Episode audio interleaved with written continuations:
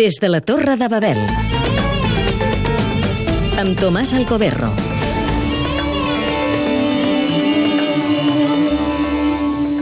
Què és millor, patir una dictadura religiosa o bé una dictadura militar? Al davant del gran fenomen històric àrab del Magreb i del Masrec, hi ha, com diuen els nord-americans, dos escoles de pensament. La que creu que estem al començament d'una època revolucionària, alliberadora, encara que pugui passar per una llarga transició frustrant i violenta, i la que sosté que les dictadures islamistes sorgides després de les primaveres àrabs han segrestat les revolucions i serà molt més difícil enderrocar-les que les que hi havia abans.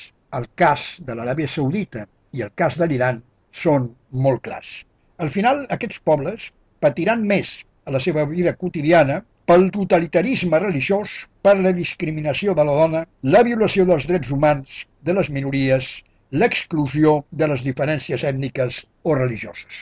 A mi, els que insisteixen en que es té que tenir molta paciència perquè els pobles canvin, expliquen, per exemple, que la Revolució Francesa va patir el temps del terror, em recorden els que defensaven no encara fa tants anys que feia falta sacrificar generacions senceres per arribar a una nova societat, a la societat de l'home nou, a una societat justa, igualitària, oblidant que l'individu és un cert temporal. El Màxim Robinson, gran sociòleg i historiador francès, va escriure magnífics llibres sobre l'islam l'integrisme islàmic, diu, és un moviment temporal però que pot durar 40-50 anys. Quan no tingui el poder, podrà ser el símbol, podrà ser l'ideal mentre existeixi la frustració popular. Ara, alguns d'aquests nous governs, com els d'Egipte i de Túnez, no en tenen ja prou en declarar que l'islam és la solució.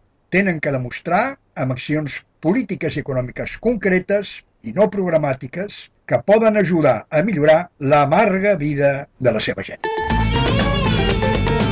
Des de la Torre de Babel.